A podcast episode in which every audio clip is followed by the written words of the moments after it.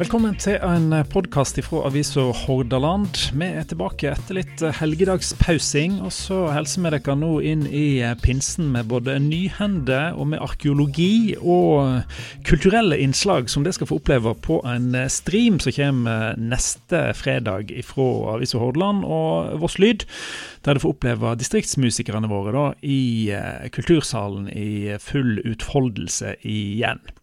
Men i dag så begynner vi litt med nyheter. Det er litt uh, krøll på tråden i uh, kommunen med ei varslingssak under oppseiling rundt dette her uh, som har vært en problematikk over en stund. Mat ifra kommunalt kjøkken. Hvordan ordner en det til de som trenger det? Vi skal òg eh, treffe i dag en eh, arkeolog, hobbyarkeolog sådan, Jon Larsen, som er på Voss. Han var på Store Ringheim og funnet fantastiske ting. Små skatter i en nypløyd jordbæråker. I dag sier han også legger fram resultatet for eierne på Store Ringheim, og vi blir med på lasset. Vi skal begynne da med Nyhende og Bjørn Sandnes, vårt økonomiske alibi.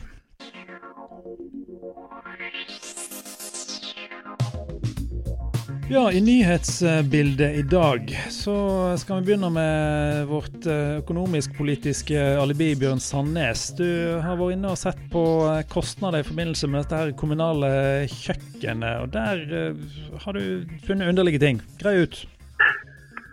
Ja, jeg har i hvert fall funnet ut at de økonomiske utredningene som er gjort i administrasjon eh, i Heradet, viser at eh, kostnadene til å produsere mat til de eldre her på Voss eh, gjennom det påtenkte lokale kommunale kjøkkenet kan bli dyrere enn den ordninga de har i dag. Og til dels mye dyrere. Mm. Da var vel kanskje ikke uventa, for det var vel på et eller annet tidspunkt uh, derfor en gikk vekk ifra å ha lokale kjøkken og heller få tilkjørt ting. Og så skulle en da veie opp uh, kvaliteten og opplevelsen for de som skal ete dette, mot kostnad. Men var det sånn at det ble overraskende dyrt nå, kanskje? Herade ansatte jo en prosjektleder i, i 2018. Eller det var vel Voss kommune som gjorde det formelt. Så da skulle gjøre de økonomiske utredningene. Og vedkommende var jo også påtenkt som kjøkkensjef på det nye kommunale kjøkkenet. Eh, de, eh, den utredninga hun kom med, viser at uh, kostnadene til maten til de eldre vil, for kommunen ville økt med fra 66% til 112 alt etter hva slags type produksjon de valgte. Nå må det jo også ses at rådmannen, som har ansvaret for å legge det her fram for uh, de, uh, de, som skal ta de politiske beslutningene, uh, reagerte en del på de tallene og på en del ting i, i den utgreiinga. Så han så han mente da, i mars i fjor, et, da utredninga kom, og fremdeles i år, at saken ennå ikke er, er greid ut ordentlig. Men så er det også så at uh, for noen år siden så, så viste jo uh, regnskapene at kommunen sparte over 3 millioner kroner det første året der de kjøpte inn mat eksternt fra, fra det som heter Matvarehuset AS.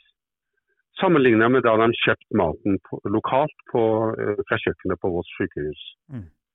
Og I forbindelse med kommunebudsjettet i 2016 så så leide jo kommunen inn et konsulentselskap, PwC, som er et svært konsulentselskap, som uh, også konkluderte med at uh, hvis man skulle ta tilbake maten lokalt uh, og produsere på et lokalt kjøkken, så ville det bli faktisk 131% dyrere, som de da kom fram til. Mm. Så Det er jo mange kompassnåler som er pekt i den retningen, men rådmannen mener jo at uh, saken faktisk ikke er ferdig utreda, og vil ikke legge fram noe tall før han anser saken for godt nok utreda. Mm. Vi skulle jo gjerne hatt han med og uh, snakka med han her i dag og gitt han uh, et uh, samtidig tilsvar, men han svarer i uh, brevsform i avisa i dag. Der er det et lengre svar fra han, og da kan du lese i avisa eller på nettet hjå oss. Hvordan tror du det er da, Bjørn? Er det siste ord sagt og skrevet om dette her, eller? Nei, det er jo ikke det. Um, saken har jo også bundet ut i en, eh, en eh, konfliktsak mellom eh, prosjektlederen og Heradet. Prosjektlederen mener jo at hun har blitt utsatt for, for press fordi at hun ikke ville lage en ny utredning med andre med et annet innhold enn det hun leverte fra seg. Hun mente det var faglig uforsvarlig. Så, så at eh, vedkommende ble jo sjukmeldt til slutt. Og hun mener seg utsatt for uh, sanksjoner fra, uh, uh, fra sin arbeidsgiver. Og har meldt en varslingssak.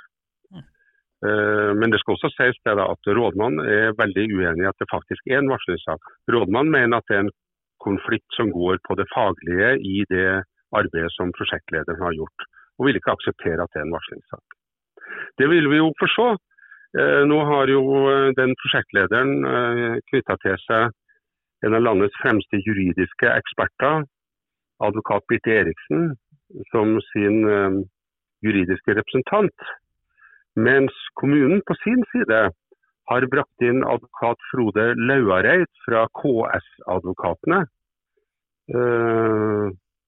som skal rådgi kommunen i denne saken. Eh, og for de oppmerksomme eh, lytterne av eh, podkasten vår, så vet man jo at det var den samme advokaten som på vegne av kommunen jobba med varslingssaken på Kulturhuset. Mm. Ja, er, det blir mye interessant som kommer opp framover nå. Da er ikke siste ord verken sagt eller skrevet i den saken. Du henger på det, og takk for orienteringen, Bjørn Sandnes.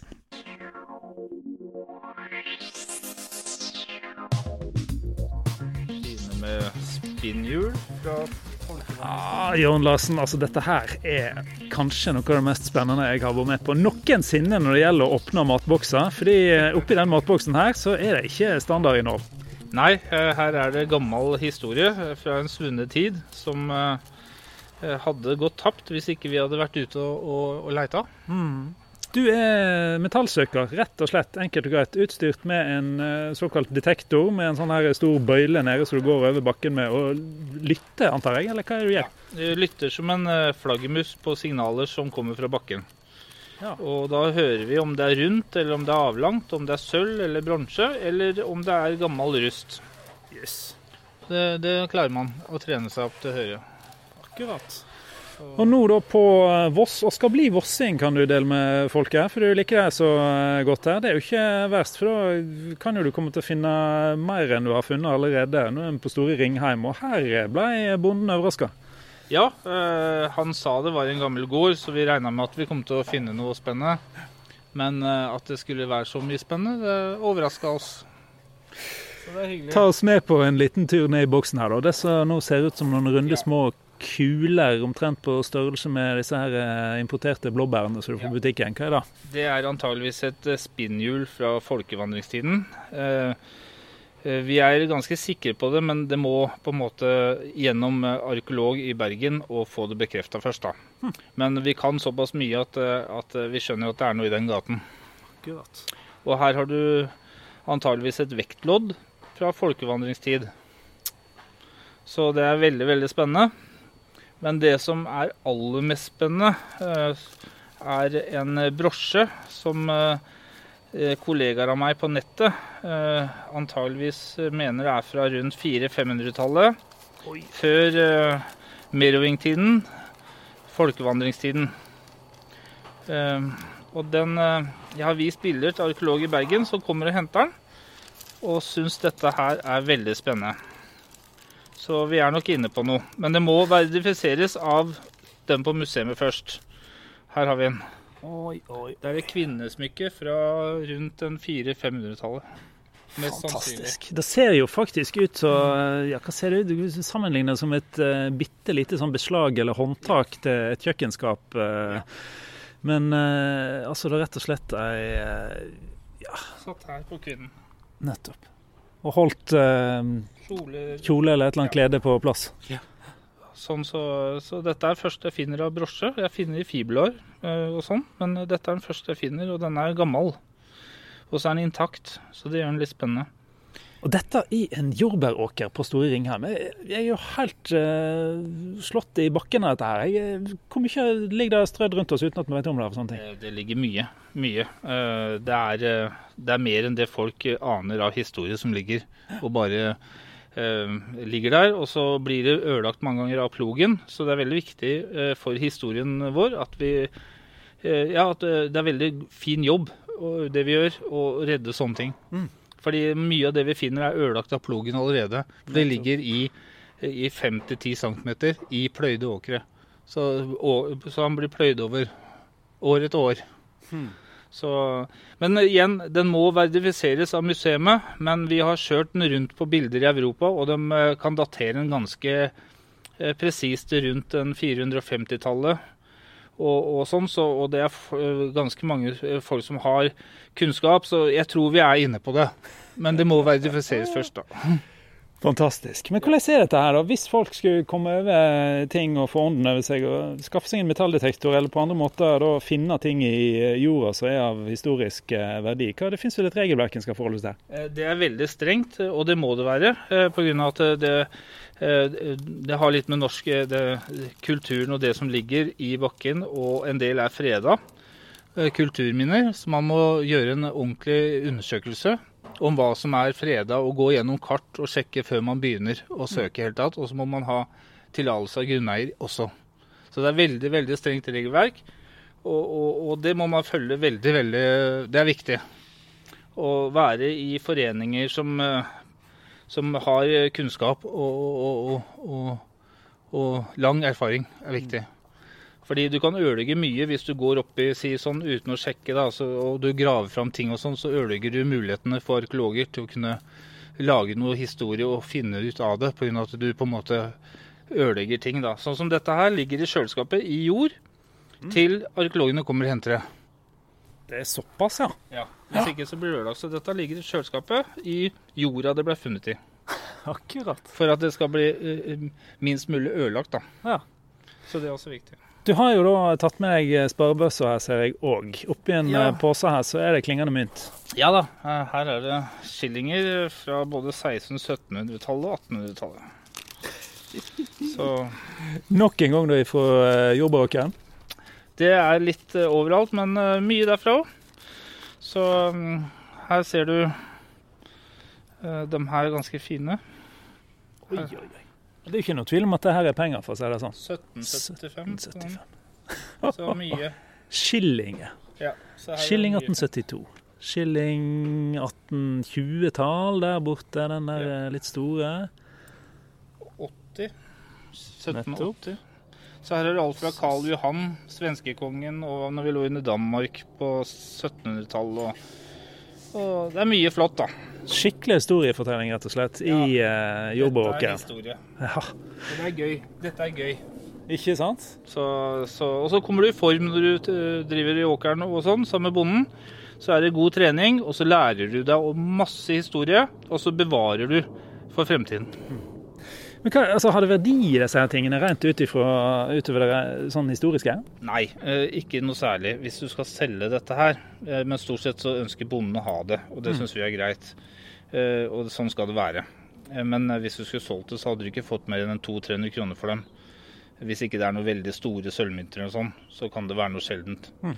Men stort sett så, så, så er det såpass mye av det. Så for ti år siden så var det mye mer verdt, for da var det ikke så mange som søkte. Men nå er det nesten daglig å finne det. Her på Store Ringheim så du sier bonden kan få beholde det som museet ikke vil ha, og så er jeg fra så gammel alder at det automatisk blir samla inn. da. Ja.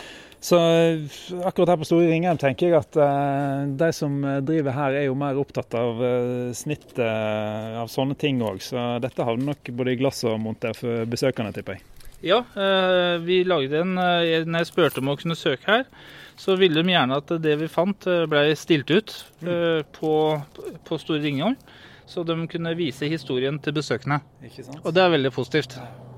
Så ser vi òg her at det er noen som har forsynt seg ifra fra pipetobakken og røkt litt blant en sånn fjern forfar her òg. For det har du òg funnet. Ja, det er en nesten som en krittpipe, men den er i messing. Og den har vi datert til rundt slutten av 1600-tallet. Så det er utrolig. Det er mye oppi her. Det er uh, utrolig mye historie. Det er så mye noen bestikkdeler eller et eller annet her? Ikke? Ja, eller noe beslag, eller? Ja, det er Sølvbestikk? sølvbestikk og sølvknapper fra 1600-1700-tallet. og det, er, eh, det forteller om en svunnen tid. Mange generasjoner folk hardt arbeidende på åkeren. Ikke sant? Masse gleder, masse sorger. Det er som å reise i historien. Og bekrefter vårsesongen. er Sølvknapp hever han i trøya. Det mangler han riktignok et par, da, for de ligger i jordbåkeren, som sagt. Men eh, altså. ja. Men eh, jeg viste det til han eh, i Bergen, og den blei veldig, veldig interessert. Så skal jeg vise deg noe mer her som er veldig flott. Det tror jeg bonden får lov å beholde, men han ville ta en titt på det. Oh, det der er jo lett å se er et slags beltespenne på et vis. Ja, Med ringprikker, som er veldig sånn typisk for middelalderen. Så den her er fra Vi tipper rundt den eh, 1500-1600-tallet på den. Og så er det spille, en spillebrikke fra dypeste middelalderen som kaltes eh, knokkel. eh, Knokkelbånd. Det er sånn spill de hadde i, i mørkeste middelalderen. Artig. Ja. Han ser ut som et lite sånn eh, en pullert nesten fra en eh, kai, men stikker ut fire retninger. Én, og så en opp i midten. Ja, så den her er i hvert fall en 300-400 år, og antageligvis mer. Det overrasker meg at eh, bonden her har hatt slektninger i fjern fortid som hadde tid til å sitte på ræva og spille spill, men uh, de likte å underholde seg, de òg. Ja da, vi finner mye munnspill fra, fra 1700-1800-tallet. Um, skal vi se Der har vi en del av et munnspill. Da satt de også og tok en klunk i åkeren og underholdte litt. For de, de jobba jo fra morgen til kveld i åkeren. Ikke sant? Så det var å sove eller være på åkeren. Du, som hobby, altså metallfinning altså der, ja, Er det òg noe fra en spenne Beltespenne fra De tipper rundt en sånn 1600-1700-tallet. Mm. Men de syntes han var litt spennende, så de ville sjekke den. flott innslått mønster på? Nei. Var ikke den fin? Veldig. Som hobby, altså hvor eh, Er dette sånn som du blir eh, nesten sånn uh, narkomant hekta på og ikke klarer å eh, la være å velte deg rundt og lure på hvor neste plass du skal gå og eh, surre i åkeren med detektoren? Du får ikke sove når du ser en, eh, en traktor som eh, pløyer opp en åker. Så, så, så, så klarer ikke jeg å sove. Det er såpass. Ja, du blir hekta. Det er, eh, det er så gøy, og, og historien og Mm. Så, så dette er verdens beste hobby, og det er veldig lærerikt. Og det er meningsfullt, for det har litt med historie å gjøre. At man rett og slett eh, Vi får vite om hva vi har vært, og hvem vi er. Det er utrolig interessant. Ja, uten å vite da, hvem er vi da, på en måte? ja, hvem vi er. Vi er hardt arbeidende folk som eh, i vær og vind har jobba eh, for å overleve. Eh, med mye historie som er glemt i dag. Og mye av historien er mye eldre, og det er mye mer utbredt enn det på en måte arkeologene først trodde. Etter at vi begynte med metallsøking, så må de skrive opp eh, mye. Og det er interessant. Du, nå Hvis eh, folk sitter og hører dette her og tenker dette høres ut som helt eh, meg, er det da bare å slå til på første og beste metalldetektor på et kjapt Finn-søk, eller skal en tenke seg litt om før en eh, begynner med dette? her? Kanskje oppsøke en klubb eller et eller annet? Du burde tenke deg litt om. Du burde gå inn, melde deg inn i en klubb, få litt erfaring og så høre hva de mener du burde begynne med. Og så får du også lært deg litt om retningslinjer og regler. Der burde du starte. Og så er det overkommelig Dette her er vel utstyr i eh, ymse prisklasser. Helt ifra noe som de fleste kan klare, til ting som eh, ja, en mer sånn eh, industrielt eh, nivå på. Ja, men du må opp i litt kvalitet, hvis ikke så, så går du rundt og graver eh, rustspikere. Og, og da blir du lei. Så hvis du skal få noe glede av hobbyen, så må du i hvert fall opp i en eh, 4000-5000 i en ordentlig søker. Så det er som et par ski eller Ja. andre ting som folk gjør med. En god investering, så har du en god hobby. Eh, Kjøper du noe på sånn billige greier, så, så mister du interessen. Fordi det er, det er så mye søppel som ligger rundt, og da blir du lei. Det er som med alt. Nei, men dette var spennende. Ja. Da eh, skal vel bonden òg få lov å ta dette i øyensyn, da? Ja, eh, han skal være her, så han gleder seg til å titte. For han har ikke sett på funnet, han heller. Ah. Så jeg skal vise han, og så skal han få det. Og så skal han få se på det som jeg må levere til eh, Bergen museum, da. Nettopp. Så, men jeg er utrolig fornøyd. Eh, Spennende.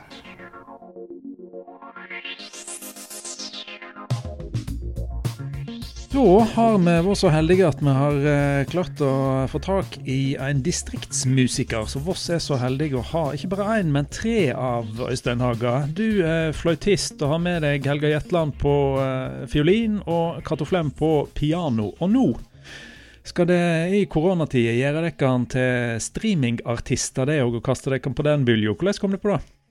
Ja, vi må jo være med, òg og bidra til det. Eh, vi syns det var veldig flott med oppretting av uh, dette her fondet, da, Kulturreisefondet. Vi har lyst til å være med på det og bidra til det. Uh, dessuten så har det vel ikke vært altfor mye klassisk musikk uh, innenfor den serien uh, ennå, så vi har lyst til å bidra på den fronten òg. Vi syns begge deler er helt flott. Mm. Det som skal skje nå, da, er jo at eh, fredag i eh, neste uke så kommer det da altså strømmende til på nettsida til Hordaland. En konsert ifra Kultursalen i eh, Kulturhuset. Men det er jo òg letta på restriksjonene nå, så 50 heldige har eh, fått lov å komme og skal spreies rundt i salen. Ja, eh, både de er heldige og vi er heldige som får lov å spille for et publikum. Det er jo veldig mye mer inspirerende enn å spille i et tomt eh, studio, kan du si. Så Ja. eh, når vi planla denne konserten, da, det var jo før den endringen på reglene gjaldt. Så når det plutselig ble åpna opp for 50 publikummere i salen, så sendte vi ut eh, invitasjoner. Det fulgte seg veldig fort opp. Uh, virker som folk er veldig ivrige og har lyst til å komme på og høre en konsert live igjen. også. Ja. Jeg tror det, Er folk litt sånn Du bruker uttrykket 'sveltefòra' sjøl. Det, er- det er noe sånn det er noe med dette her eh, som jeg tar for selvsagt ofte, da, at vi kan gå ut og så nyte kulturen. Vi er jo heldige på Voss og har eh, både sportslig og musikalsk og på alle måter et godt kulturtilbud. Vi har sikkert merka det godt nå da, at dette har plutselig over natta turka opp. Og ja, På Voss så merkes det veldig veldig godt. Det er jo, det er jo hele tiden noe som skjer her, det er på, og særlig på kulturfronten. Eh, Mm. Så vi er heldige her. Ja, absolutt. Mm. Du, fortell meg nå. Vi ser gjennom programmet her. Jeg ser seks uh, innslag her. Halvdan Kjerulfs vise, Ingrids vise. Eh, Chopin, ballade nummer én i G-mål, pianosolo, som skal få svidd fingrene litt av Cato. Så er det Pleyel med duett for fløyte og fiolin, Sankan, sonatin for fløyte og piano. Martinø, trio for fløyte, fiolin og piano. Da får det spilt i lag alle sammen. Også skikkelig avslutning nå. Piazzolla, tango kafé. I alle dager, hvordan klarer du det med en sånn sammensetning? Ja, eh, Tango kafé 1930 det er én av fire satser som til sammen utgjør et verk som Piazzolla kaller for tangoens historie. Mm. Uh, her tar han da for seg uh, på de siste uh, tangoene på slutten av 1800 1800-tallet oppover uh, til helt til våre dager. Da. Eh, her har jo tangoen gjennomgått en eh, trans transformasjon, kan jeg nesten si. At, at han har utvikla seg. og eh, Opp gjennom de forskjellige tider så har tangoen forskjellige uttrykk. Uh, så det er en veldig interessant uh, komp eh, komposisjon, syns jeg. Mm. Uh, blir spilt både for fløyte, med bandoneon eller gitar eller piano da, som akkompagnement. Eller fiolin pluss samme instrumentene. Så her har vi laga vår egen versjon for fløyte, fiolin og piano.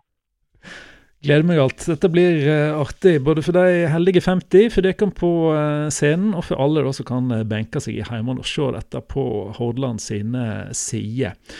Men Øystein, fortell meg litt. Grann, distriktsmusikere på Voss, altså en fløytist, en pianist og en fiolinist. Hvordan, hvordan er det å være en sånn sammensetning, og hva, hvordan er dagene før dere? Ja, nå er det jo litt forskjellige stillingsstorleiker vi har. da. I tillegg så har jo Helge og meg eh, en del av jobben vår i Fossegrimen. Lokale symfoniorkester her. Eh, han Cato pianisten han har eh, litt eh, lavere stilling enn oss av den grunn. 20 Vi tre vi kommer sammen kun én dag i uka eh, nå gjennom året. Det er jo litt lite, syns vi. Så vi har en veldig god gruppe. Veldig fin kammermusikalsk besetning. Eh, og vi øver veldig godt i lag. Vi har jo lyst til å, å, å øve mer da, og høyere stilling sånn eh, totalt, men det er ikke akkurat rett tid å snakke om det tror jeg nå innenfor kommunen etter koronakrisen, så da får vi komme tilbake til senere. Men uh, må jo si at uh, det virker jo dessuten så at uh, det nye fylket, Vestland fylke, litt mer uh, på ballen med tanke på skolekonsertturneer. Så vi har uh, veldig håp og tro på at det kan bli nye turneer på oss innenfor Den kulturelle skolesekken. Mm. Ja, det var vel Churchill som er sitert på en gang i tida og har sagt noe sånt som at uh, hvis uh, kulturen forsvinner, hvis ikke vi tar oss penger til å uh, understøtte den, hva er det da igjen å kjempe for når krigen feier over Europa? Så kultur, det må vi ha. Men dette med distriktsmusikere, hvor vanlig er det at Herad og fylket tar seg råd til det? Ja, det er jo litt varierende, der, om jeg sier, Sånn som innenfor Vestlandet og tidligere eh, Eller hvis vi tar tidligere Hordaland fylke, eh, så var vi faktisk de eneste gjenværende distriktsmusikerne mm. innenfor gamle Hordaland fylke. Det var oss, og så var det ei gruppe på Stord. Den ble nedlagt et par år siden. Eh, men sånn som Sogn og Fjordane fylke, da, tidligere Sogn og Fjordane, de har vært veldig flinke. Har flere grupper. De har fire fulle distriktsmusikergrupper. Sogndal, Førde, Gloppen eh, i alle fall. Mm. Så, så, det er de da kanskje som har bidratt til at det nå i nye Vestland fylke så kan det bli eh, nye, nye muligheter for oppslag. Ja, så er jo eh, Helga spiller jo så vidt jeg vet hardingfela òg. Og det er jo, altså Voss er jo midt i et slags hjerte av vestlandsk eh, folkemusikktradisjon. Så skulle ikke vi holde oss med folkemusikere og distriktsmusikere, så, um, så hadde det kanskje blitt litt vakuum. Da hadde det. Så at det er akkurat Voss som har distriktsmusikkgruppa uh, her i regionen, det syns jeg er veldig flott. Jeg er veldig takknemlig for det, og det er helt på sin plass. Ugg, da eh, ønsker vi rett og slett eh, god konsert om ei lita uke, Øystein. Og så håper vi at eh, mange setter seg framfor streamen, og at det får deg til å lukte svidd på scenen. For jeg regner med at det er jo spillegalne, det òg nå? Ja da, og Fjesvolla er jo altså Tango er jo Det svinger jo av det vanligvis. Dessuten så har vi jo en komponist, en tsjekk Bohuslav Martinu. Uh, og det er jo virkelig òg uh, musikk som svinger. Han er kjent for å ha mye varierende rytmiske element i uh, musikken sin. Så her er det masse som svinger og masse å glede seg til. Vi gleder oss iallfall veldig. Glimrende. Øystein Haga, Helga Jetland og Cato Flem altså opplever på stream her på sidene til Hordaland neste fredag klokka halv sju ifra Kultursalen i Kulturhuset. Takk skal du ha, Øystein, og lykke til. Takk, takk. Det var distriktsmusiker, fløytist Øystein Hager du hørte her. Og som avslutning på podkasten i dag skal vi få høre distriktsmusikerne i eh, samspill og samsong med dekor. Så her tolker Prøysen med 'Vise til gærne jente'. Du har hørt en podkast fra Avisa Hordaland. Vi høres om ei uke.